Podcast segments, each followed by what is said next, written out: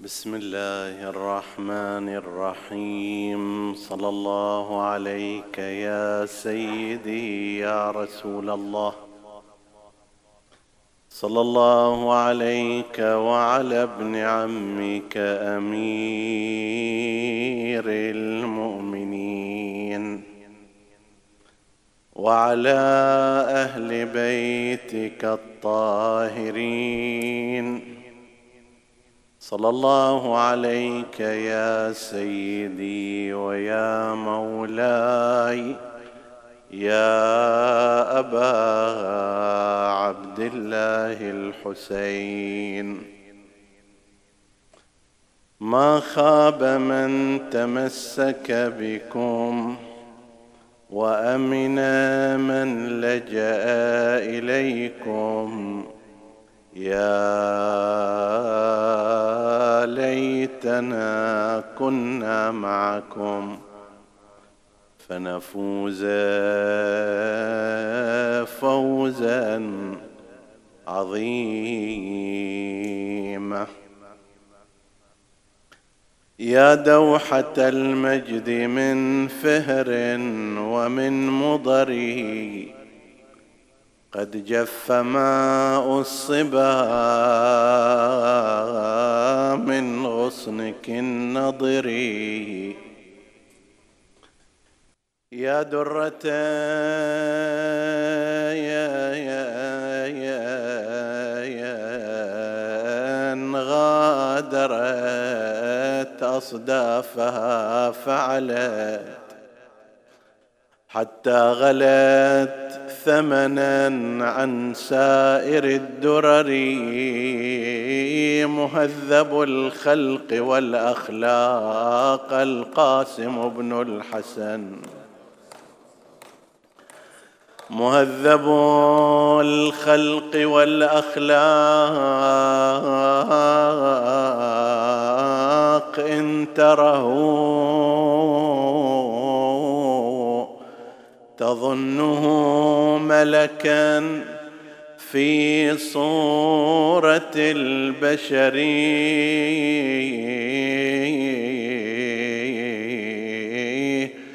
مخضر عارضه ما دب شاربه. لكن جرى القدر الجاري علي. يا يا القدر إيش صار أيها الشاعر؟ يقول فاغتال مفرقه الأزدي بمرأفه وقاسما فاغتال مفرقه الأزدي بمرهفه فخر لكن بوجه منهم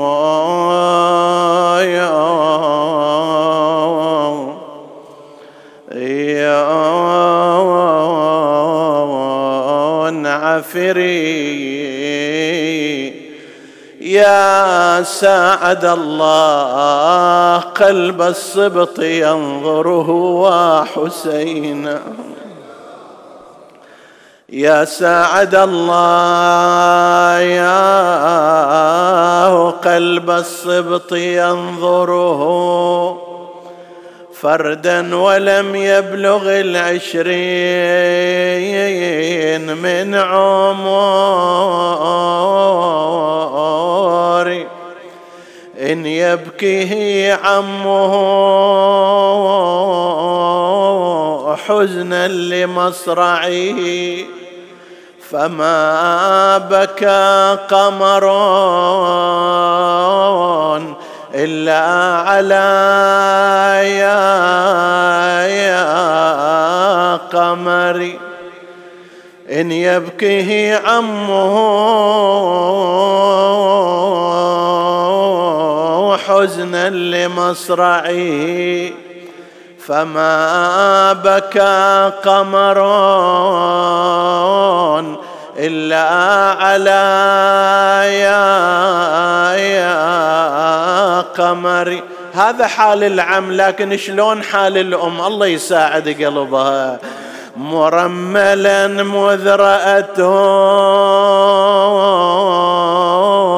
ورملة صرخت. يا مهجتي وسروري يا ضياء يا بصا. بني خلفت والدة. والها محيرة أن ترعى نجوم السماء في الليل بالسهر بني تقضي على شاطئ الفرات.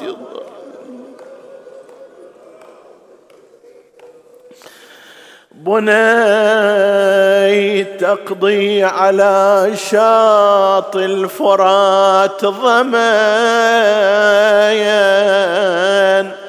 والماء أشربه صفوا بلا كدر كأني بها لسان حالها ولا ما يا أنا ردتك ما رد الدنيا. ولا ما يا تحضرني لو وقع حملي. ولا ما يا آل يا جاسم يا الولد خابت ظنوني. ولا ما يا آل بوقت الضيق يا ابن قطعيت.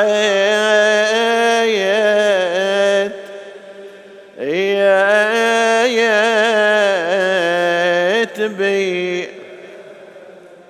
لكنما الأمر لله. لا حول ولا قوة إلا بالله. العلي العظيم إنا لله وإنا إليه راجعون. وسيعلم الذين ظلموا أي منقلب ينقلبون. من كلام لسيدنا ومولانا رسول الله صلى الله عليه وآله قال من سره أن يلقى الله طاهرا مطهرا فليلقه بزوجة صدق سيدنا ومولانا سيد الأنبياء محمد.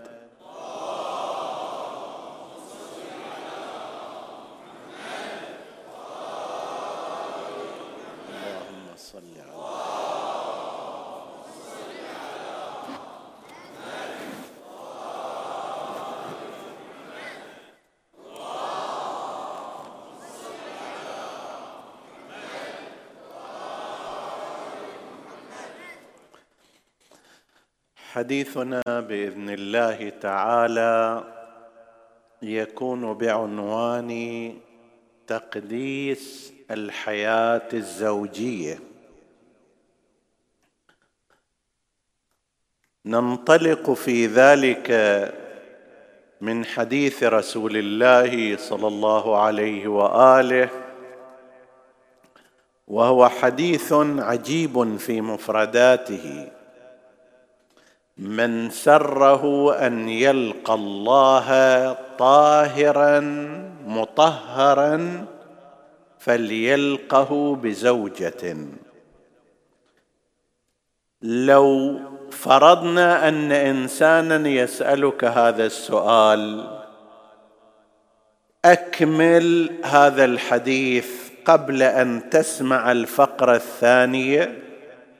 من سره أن يلقى الله طاهرا مطهرا ماذا يصنع؟ من الطبيعي أن تقول أن يكثر من الوضوء أن يكون دائما على طهارة. أن يغتسل الأغسال المستحبة لتحقيق طهارة البدن.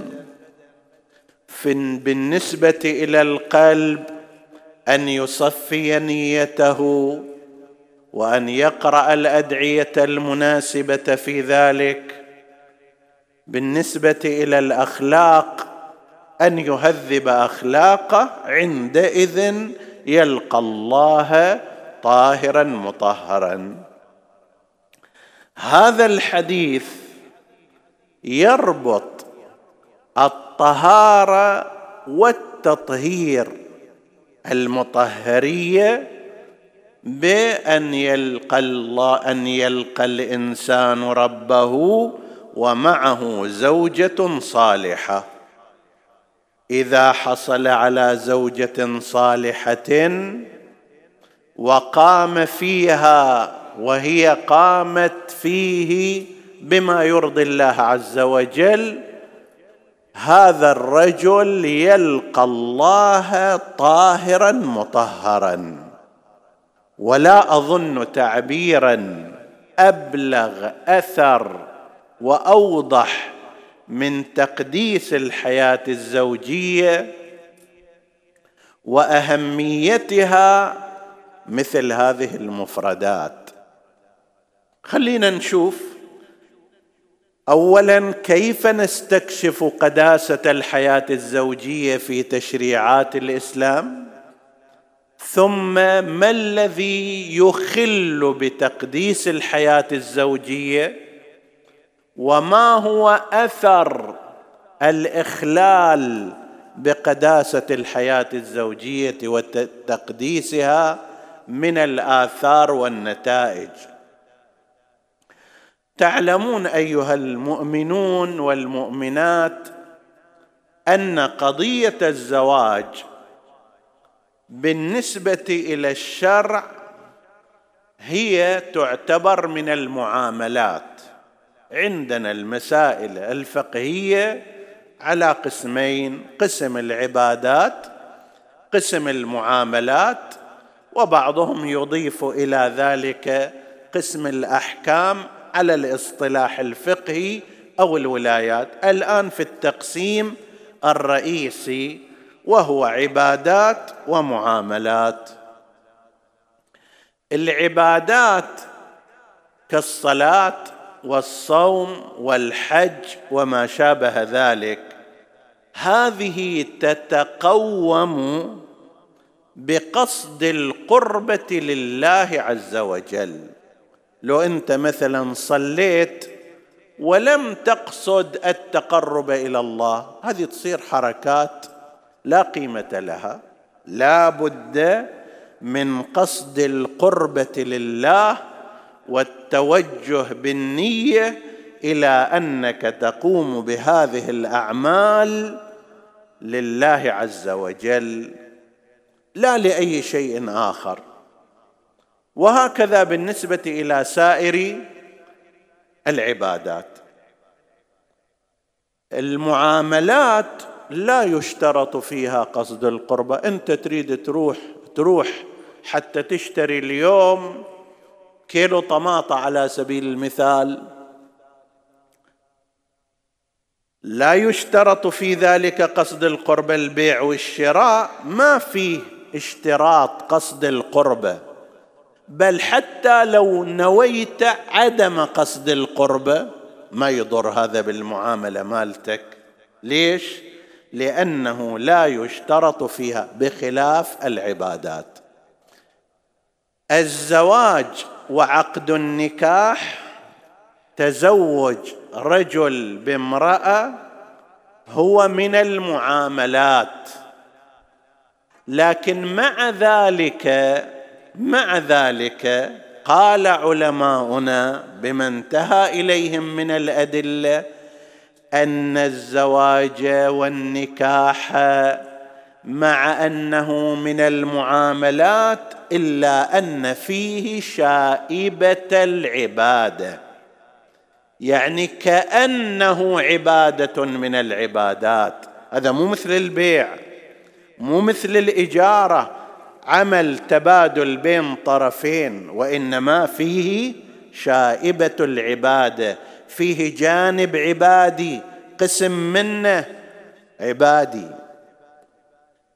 لذلك الكلام عن تقديس الحياة الزوجية أمر طبيعي ما دام فيه جانب عبادي فيه شائبة العبادة العبادة شيء مقدس. المعاملة ليست كذلك. ما يحتاج تنوي القربة ولا يحتاج تقدسها يكفي أن تلتزم بالاتفاق والقانون. لكن في قضية الزواج والنكاح فيها جانب عبادي ولذلك أيضا تكتسب قداسة ومنها نفهم آثار هذه القضية الحياة الزوجية كيف تؤثر في أن يذهب هذا الإنسان إلى الله عز وجل طاهرا مطهرا. واحد يبيع زايد مو بالضرورة يلقى الله طاهرا مطهرا. عنده معاملات كثيرة. بيع وإجارة ومضاربة وما أدري مساقات ومزارعة واستثمار. ما إله ربط هذا بأن يلقى الله طاهرا مطهرا. لكنه إذا لقي الله إذا جاء ولقي الله بزوجة فإن ذلك يجعله أمام الله طاهرا مطهرا. من ذلك أيضا التفتوا إلى هذا المعنى من ذلك أن الله سبحانه وتعالى جعل الطريقة الوحيدة للتكاثر البشري والاستمرار الإنساني في قضية الزواج بالطريقة التي قرر الله عز وجل. صار عندنا نكاح مشروع مبارك ينتج أن يلقى الله طاهرا مطهرا وما عدا ذلك فهو سفاح زنا محرم كبيرة من الكبائر لا تترتب عليه آثار. هذا مو ابن ذاك مع أنه أنتجه من امرأة مو ابنه. الشرع يقول هذا ليس ابنا له. هذا ابن زنا ليس ابن هذا الرجل ولا ابن تلك المرأة. طيب لا يرث منهما. زين يا بل شغل نفس الشغل. رجل وامرأة التقيا على فراش واحد وانتجا هذا. لا فرق كبير جدا. الطريقة الوحيده التي جعلها الله سبحانه وتعالى لاستمرار البشر هي طريقة النكاح الشرعي والزواج الشرعي الذي جاءت به الديانات السماوية. ماكو طريقة أخرى غير هذا الطريق مرضية من الله عز وجل. وين هذا يتبين؟ الآن لو أنت مثلا اجيت إلى مزرعة وأخذت منها أشياء واكلتها وأكلتها نفس الأكل هذا تخليها في فمك وتقضمها وتذهب إلى داخل بطنك. لكن هذه بدون إذن مالك المزرعة تصير حرام سرقة نار في داخل البطن. إلها آثار وضعية على أخلاق الإنسان ممكن توديه النار. بس إذا اجى صاحب المزرعة وقلت له تسمح لي آكل هذه خلاص. كل تلك الآثار ما تترتب. لا هي سرقة لا هي حرام لا يصير نار في بطن الإنسان لا تصير أخلاق سلبية في هذا الإنسان وإنما تكون بركه. ليش الفرق ما هو؟ أن هنا أذن المالك وهناك لم يأذن المالك. الكون كله خلق الله عز وجل. هذه المرأة خلق الله وهذا الرجل خلق الله. أذن بطريقة واحدة للزواج والنكاح وهي أن يأتي الطرفان وأن يعقدا على اسم الله عز وجل وأن يجري الصيغة الشرعية في كل ديانة فيصبح ذلك اذنا من الخالق المالك وتترتب عليه أنه فليلقه بزوجة صالحة ويصير هو أيضا طاهر مطهر. مثل ما في المزرعة أذن المالك وصارت هذه حلال زلال نورانية في داخل القلب لا تخلف آثارا سيئة. هنا أيضا نفس الكلام. بينما السرقة عصيان لله لها آثار سيئة في الأخلاق بل في البدن والجسم بل في الذرية. أما إذا أذن المالك فكل ذلك غير موجود. الفرق بين هذا وبين ذاك أن هذا بإذن المالك الخالق. على كتاب الله وسنة رسوله. وذاك ليس كذلك. الثقافة الغربية المادية هذا الأمر كلا وطرا غير موجود. زواج يعني رجل ويا مرأة يجتمعان وبالتالي ينتجان الأولاد وما شابه ذلك. وهذا تماما مثل صاحب مثل هذا الرجل الذي ذهب إلى المزرعة وأكل من غير إذن صاحبها ومالكها.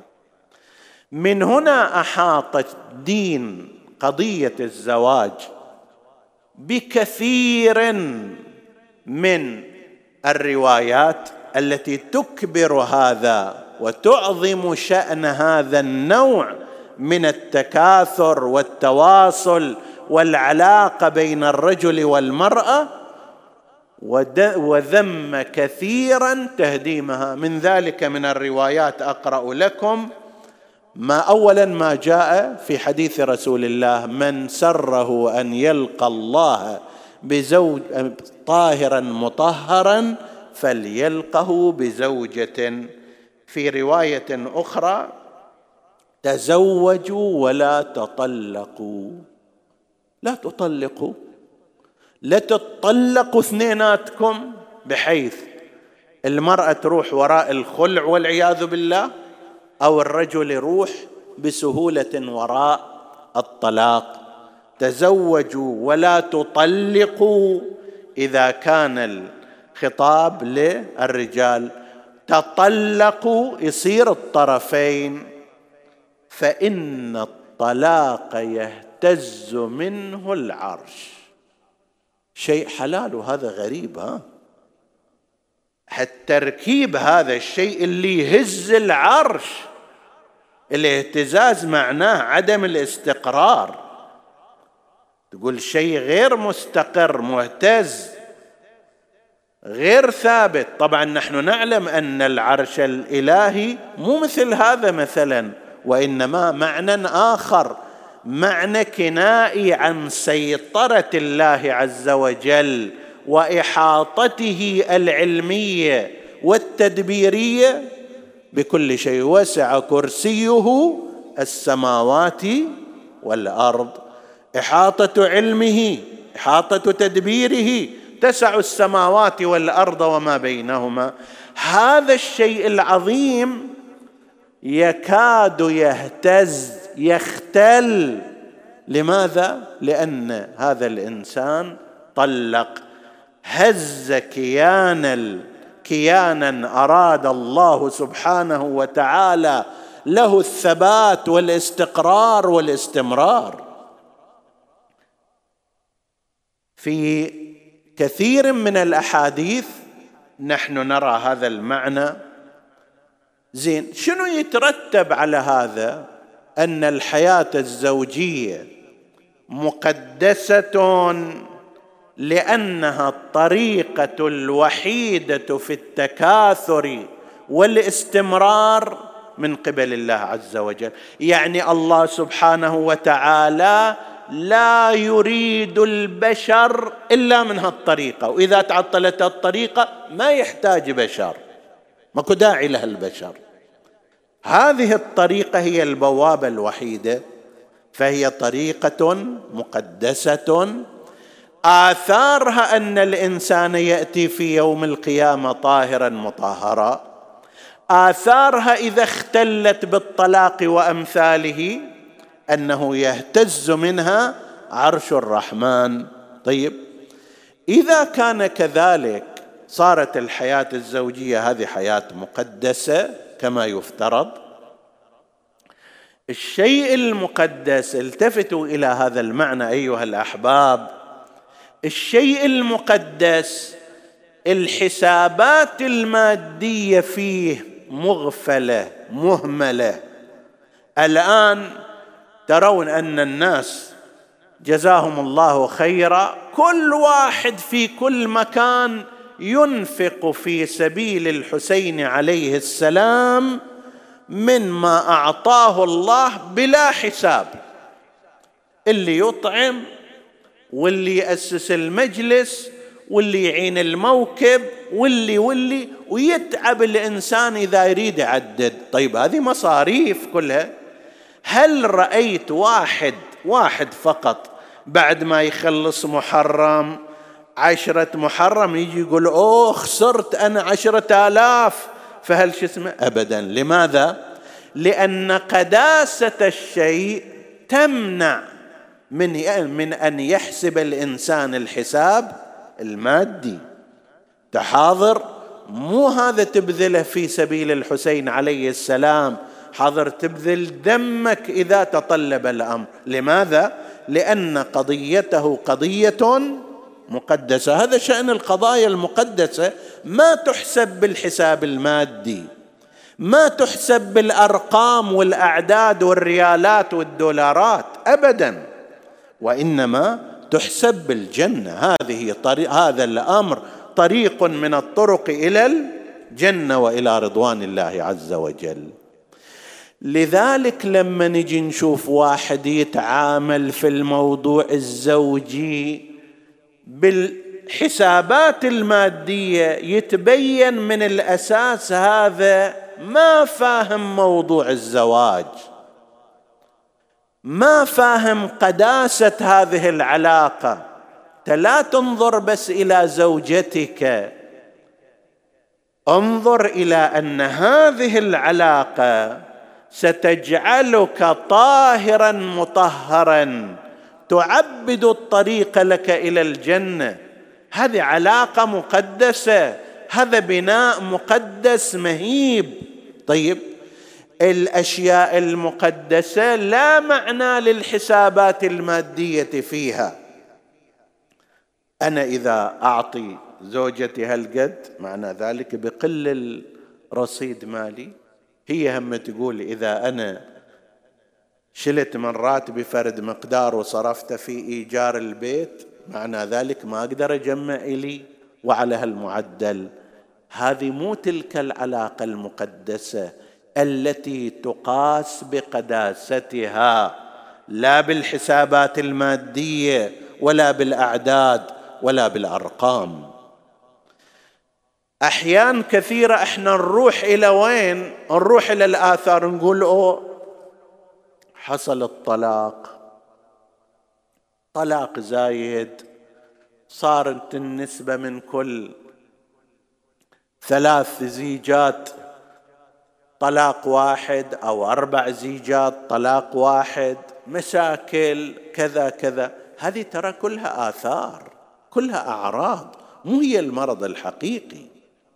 المرض الحقيقي هو كيف ينظر كل من الزوجين إلى هذه العلاقة وإلى هذا البناء؟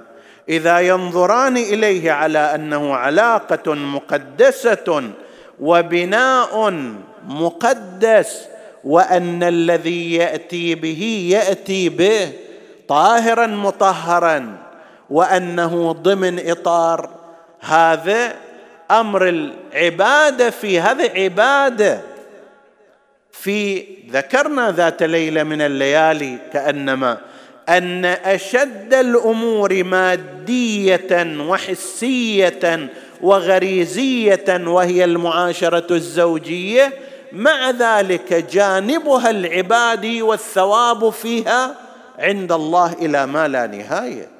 هذه مو مو شيء يقاس بالمادة ولا يقاس بالريالات ولا يقاس بمقاييس الربح والخسارة.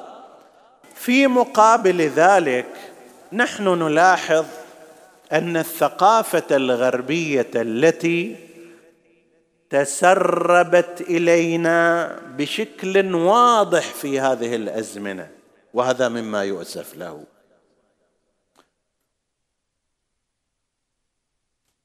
كثير من المفاهيم والمعاني ونظام الحياة هو متسرب إلينا.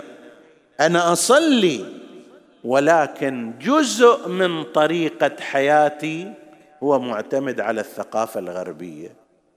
وأصوم ولكن جزء من عاداتي بل جزء من فهمي للحياة.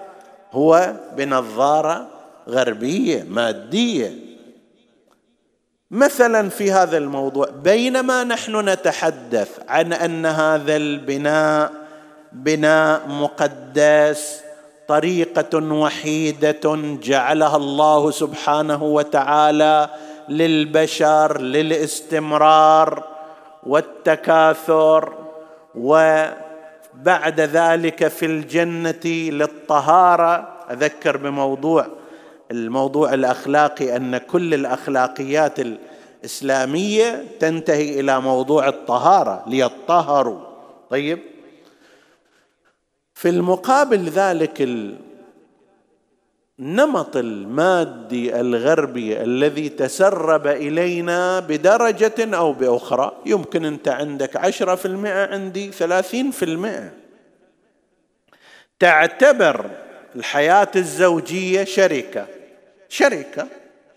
أنا تزوجت فلانة مثل ما أروح أسجل موظف في شركة وهي كما تشتغل في شركة ما صارت زوجة. ويترتب على هذا أي إنسان عندما يعمل في شركة بالنسبة إليه حساب الأرباح هو الحساب الأول. يا أنا أشتغل ثمان ساعات شلون تعطيني راتب سبع ساعات؟ أشتغل خارج الدوام overtime شو ما تصرف لي overtime طيب مرة مرتين بعدين أقول له أنا أقدم استقالة مع السلامة. ليش؟ لأن أنا ارتباطي بهذا المكان هو ارتباط عقد عمل شركة لا فيها حالة قداسة لا فيها قضية ثواب لا فيها أنا إنسان أعمل بجهدي في مقابل مبالغ مالية قصرت علي في شيء مع السلامة. زين؟ وهذا طبيعي.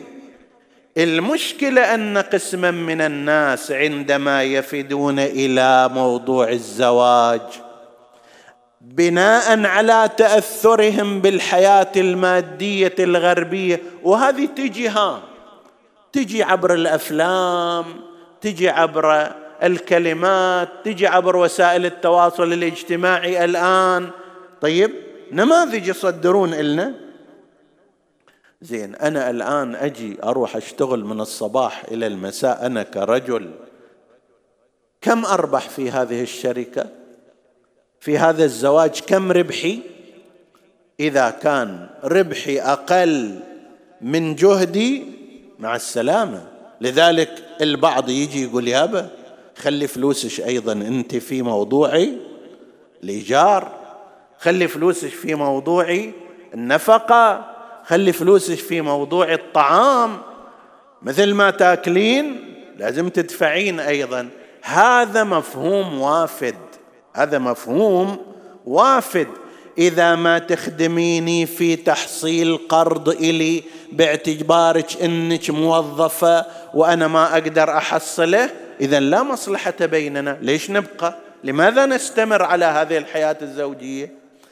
شوف حل الأمر المادي والثقافة الغربية والنمط الغربي في تشكيل الحياة الزوجية محل لينفق ذو سعة من سعته. وقضية الإنفاق بالنسبة إلى الإنسان لاحظوا أنه لينفق ذو سعة من سعته مو خاصة بالرجل ها؟ الرجل واجب عليه الإنفاق. بس أيتها المؤمنات المرأة مو حرام عليها أن تنفق. الكلمة والكلمة الثانية كم لي من النفقة؟ وليش ما يعطيني النفقة؟ وأنا مو واجب علي النفقة لينفق ذو سعة. من سعته. ذو سعه رجل وجوبا عليه ذات سعه المرأة استحبابا لها وتحبيذا لها. الرجل إذا أنفق حتى فوق المقدار الواجب المقدار المستحب هو أفضل الإنفاقات. هذا الحكي ما موجود في النمط المادي والغربي.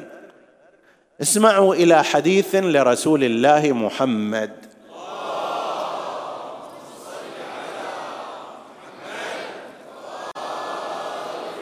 موجود هذا الحديث في مصادر الفريقين. قال صلوات الله وسلامه عليه وعلى آله دينار أنفقته في سبيل الله. هذا واحد. ودينار أنفقته في رقبة. عتق رقبة. إنسان عبد مسلم في ذلك الزمان مستحب أن يعتق الرقاب يحرر العبيد. طيب الإسلام بهالطريقة قضى على حالة الرق والاستعباد الموجودة في المجتمع العربي. ودينار أنفقته في عتق رقبة. هذه كلش لها ثواب. ودينار تصدقت به على مسكين. أيضا كذلك من أفضل الطاعات. ودينار أنفقته على أهلك أعظمها اجرا الذي أنفقته على أهلك. أعظم من الإنفاق على عتق رقبة. أعظم من الصدقه على المسكين. أعظم من الإنفاق في سبيل الله. أن تنفق على أهلك. هاي النفقة المستحبة الواجبة بعد واجبة واضحة. بس هذا الكلام ابدا لا يتسق ولا ينسجم مع نظرية الشركة التجارية. أنا زوجت فلانة انتمينا إلى شركة واحدة ونظل نشوف نحسب الحسابات. البعض بشكل غريب يعني أحيانا تتصل بنا بعض النساء وأحيانا بعض الرجال إذا أنا أطلق ويش يرجع إلي ويش أخسره. مرأة تقول مثلا أنا أريد أطلب الطلاق منه ويش أستحق المهر كله إلي؟ الذهب شلون؟ الشبكة شلون؟ الهدايا شلون؟ أثاث البيت شلون؟ غرفة النوم شلون؟ شنو حقي؟ هذا الكلام معناه أن هذه المرأة إنما دخلت في شركة تجارية حساباتها حسابات الربح والخسارة والأرقام والأعداد. ما دخلت في علاقة مقدسة بحيث تذهب إلى ربها يوم القيامة طاهرة مطهرة ويذهب إلى ربه يوم القيامة طاهرا مطهرا. هذه شركة. شنو حقوقي؟ وشنو تعطيني؟ وشنو تزيدني؟ وذاك أيضا نفس الكلام أحيانا. والله إحنا هالشكل ونريد نطلق. أريد أشوف وش يبقى إلي. وأحيان كثيرة يقرر الواحد منهما الطلاق أو البقاء بناء على هذا. إذا مهري إلي إذا الشبكة إلي إذا كذا إذا كذا. طيب ما أرجع شيء. خلاص أنا أترك هذا الرجال وخله مع السلامة. وبالعكس أيضا بعض الرجال يفكرون هذه مو تلك العلاقة الزوجية التي يريدها الله سبحانه وتعالى منا. من ذلك أيضا عمل المرأة في بيتها بناء على منطق الشركة منطق الثقافة المادية. عمل المرأة في بيتها يعتبر هذا مضيعة وقت. شنو من الصباح إلى المساء أنا بس قاعدة أشتغل أطبخ وأنفخ وأكنس أطفال قومة قاعدة. لماذا أصنع هذه الأشياء؟ أعطيني فلوس على ذلك. أو أروح أشتغل. هذا هم منطق الشركة. هذا تماما منطق الشركة. أنا عندي طاقة. طيب ذات أجر بدل ما أطبخ لك أروح أطبخ في المطعم. وأروح أزود المطاعم بالأموال. ليش أطبخ لك؟ بدل ما أحفظ عيالك أروح أحفظ أطفال الروضة وأحصل لي راتب. بدل ما أخدم زوجي وأولادي وكذا أروح في الأماكن الخدمية. لذلك في النظر المادي الغربي أصلا وجود المرأة في البيت وعملها فيه كحالة عامة أقول الثقافة الغربية هكذا. لا تقول لي لا بعض العوائل في الغرب هكذا مثل أماكننا وبلادنا الإسلامية. لا النظام العام يعتبر أن هذه شركة وأنه هذا ده تصرف أوقاتها وعمرها وكذا في أمر ليست مسؤولة عن هذا منطق الحسابات المادية. هذا منطق أن الأسرة غير مقدسة وللأسف جاءت إلينا. وسننقل بعض الإشارات على عدم ومظاهر على عدم تقديس الحياة الزوجية. في المقابل شوفوا ماذا يقول الإسلام في هذا الجانب مع في الحديث عن رسول الله محمد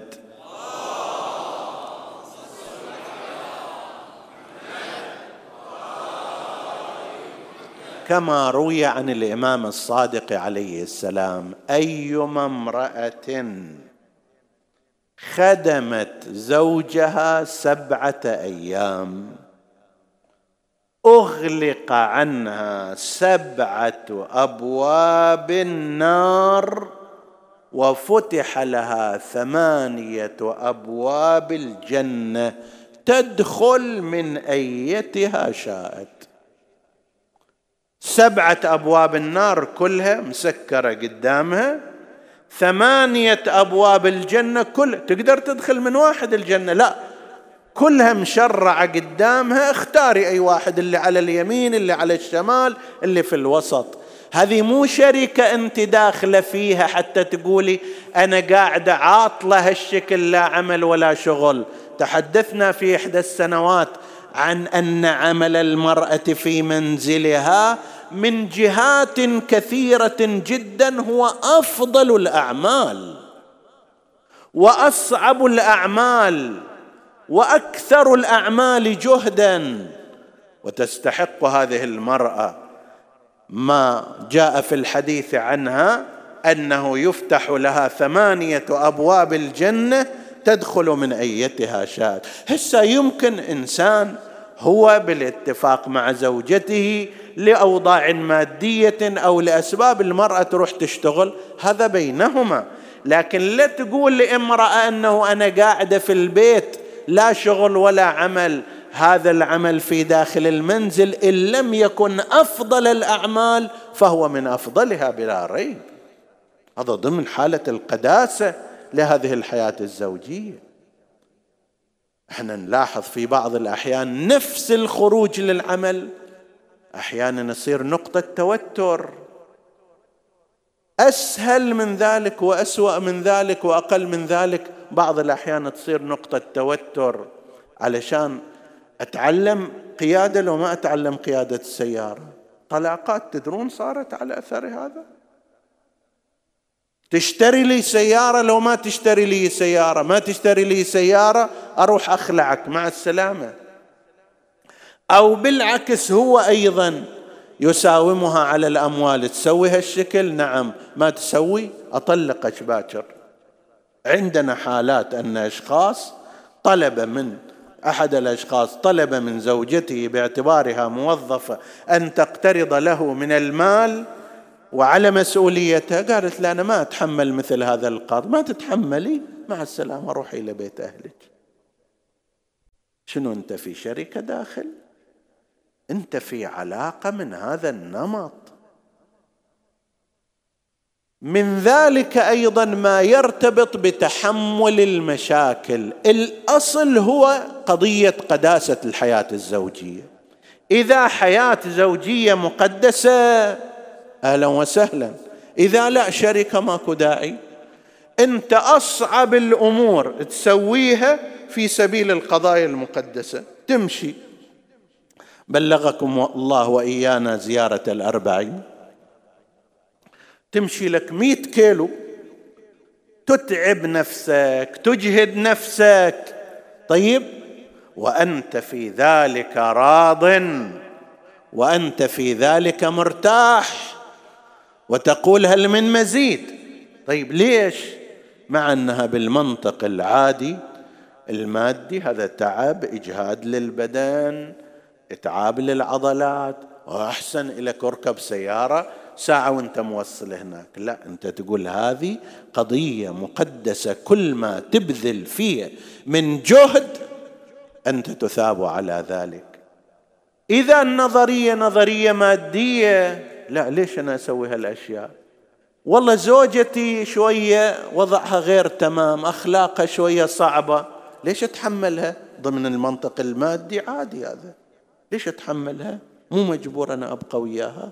ألف وحدة موجودة. والزوجة أيضا تقول نفس الكلام. ليش أتحمله أنا؟ ليش يلقي علي بمشاكله؟ أطلب الخلع مع السلام. هذا ضمن المنطق الشركة التجارية منطق طبيعي لكن ضمن منطق قداسة الحياة الزوجية يجي كلام آخر. ماذا يقول الكلام؟ من سيد الأنبياء محمد.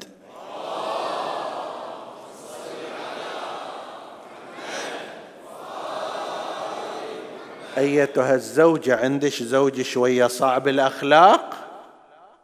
لا تفكري أنه خلص أنا افركش الشغلة وصلت حدي وما أتمكن. طيب صبرت بما فيه الكفاية. النبي يقول لا من صبرت على سوء خلق زوجها أعطاها الله مثل ثواب آسية بنت مزاحم رب ابن لي عندك بيتا في الجنة. مو أي بيت هذا عندك. هذه عندك. العندية هنا إلها بحر من المعاني.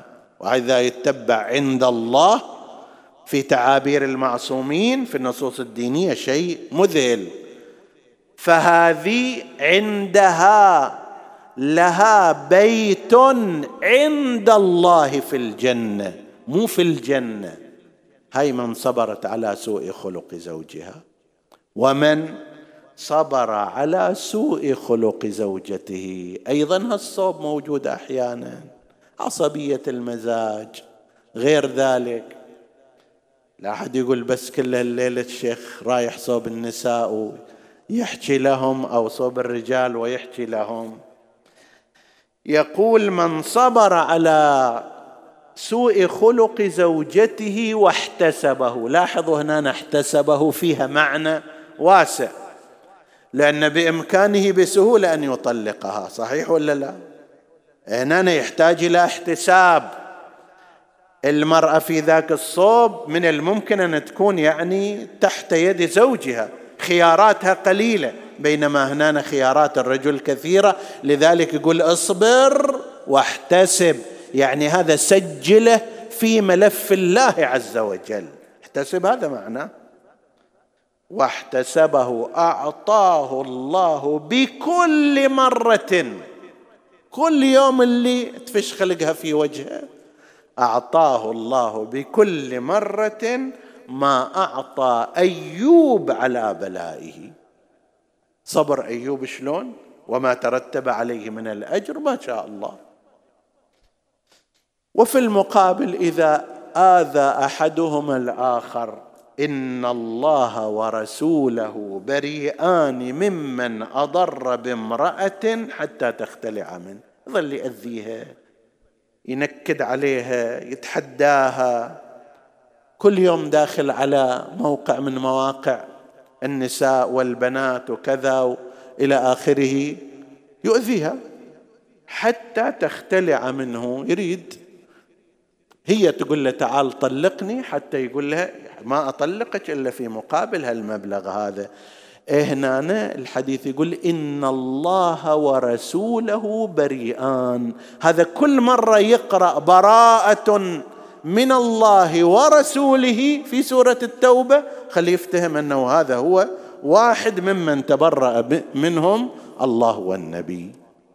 وإذا زوجة آذت زوجها أيما امرأة لم ترفق بزوجها وحملته ما لا يطيق لم يقبل الله منها حسنة ولقيت الله عليها وهو غضبان.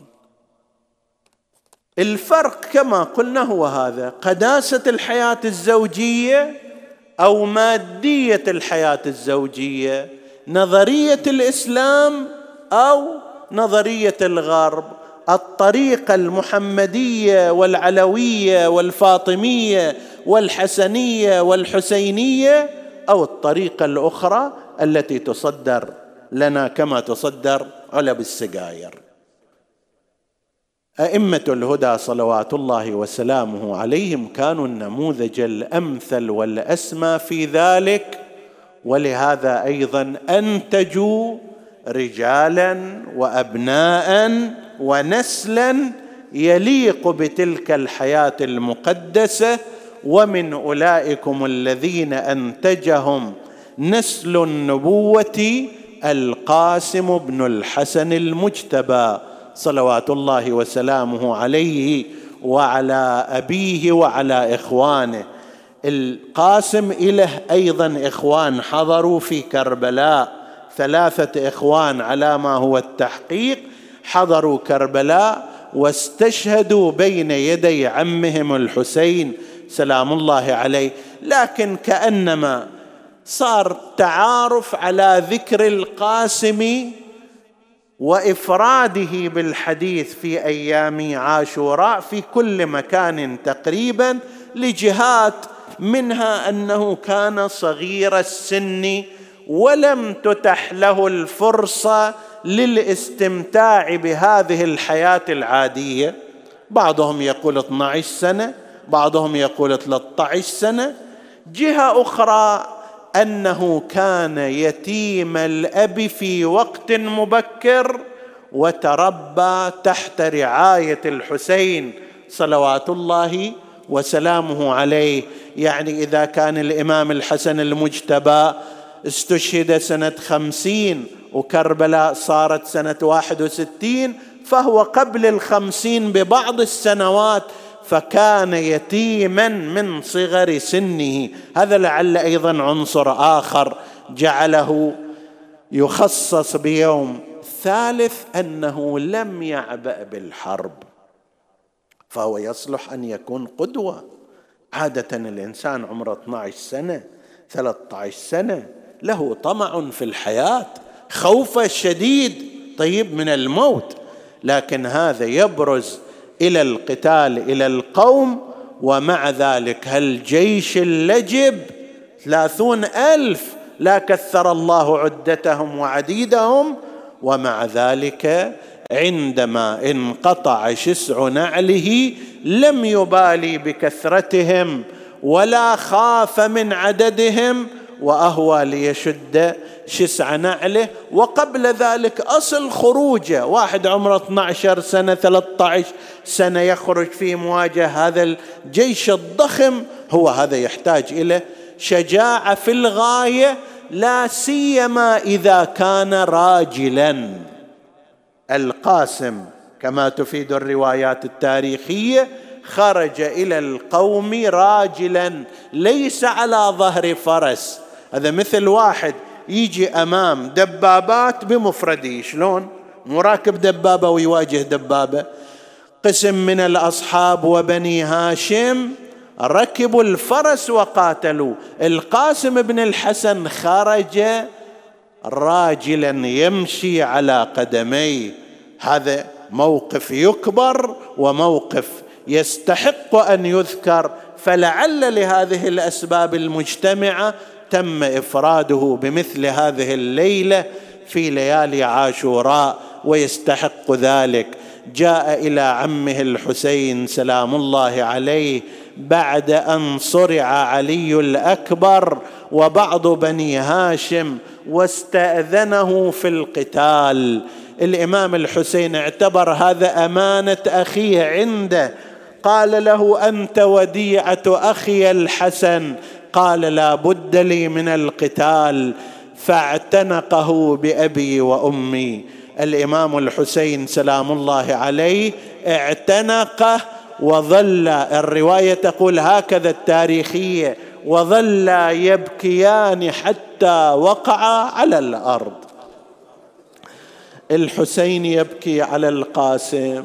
والقاسم يبكي على الحسين. هذا يبكي على يتمه وهذا يبكي على وحدة الحسين عليه السلام. ونحن نبكي على القاسم وعلى الحسين وننادي وقاسما وابن رسول الله! هذا حفيد النبي من الإمام الحسن المجتبى. أراد أن ينطلق إلى القتال. قال له بني ادخل إلى الخيمات وودع أمك وعماتك. روح خلهم يلقون نظرة الوداع عليك. ترى بعد شوية ما راح يشوفونك إلا وأنت مفطور الهامة. دخل إلى داخل الخيمة اجتمعت النساء حوله. أمه من جهة عماته من جهة. ولزمه رجاب سكينة. وعمته بحلقة شمة. ومن الخدر مذهولة. طلعت تناديهم. يا ابني يا جاسم هالوقت حالك العمك ضوء اليوم أنا ذاخرتك بالك تخايب ظنون هز الرمح وتجنى يا والدة تدعي لي. رايح أنا يا والدة من غير ما تقلي لي. ليش رايح؟ يقول عمي وحيد بكربلاء. عمي وحيد بكربلاء المن أضم من حالي. خرج إلى الميدان وهو يرتجز ويقول إن تنكروني فأنا نجل الحسن. سبط النبي المصطفى والمؤتمن هذا حسين كالأسير المرتهن. بين أناس لا سقوا صوب المزون شد على القوم وهو راجل قتل منهم قتل منهم رجالا ورد بعضهم. عندها قال عمرو بن سعد بن نفيل الأزدي والله لأحملن عليه حتى أثكلن عمه به. قال بعضهم قال حميد بن مسلم خرج علينا غلام كأن وجهه فلقة قمر. بعد شوية راح ينخسف القمر أيها المؤمنون يحتاج إلى صلاة الخسوف.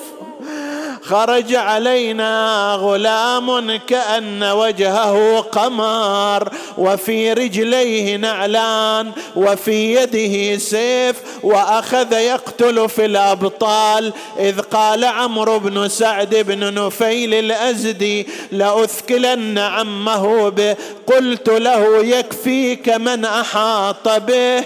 قال لا بد من ذلك. جاء اللعين وهو راكب على فرس مسرع فضرب القاسم على رأسه.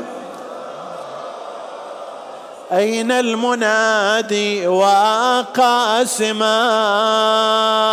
وسيدا كان القاسم حينها قد انحنى لإصلاح شسع نعله فجاءت الضربة ضربة قوية ففطرت هامته وخر القاسم على التراب. الرواية تقول يفحص التراب برجله.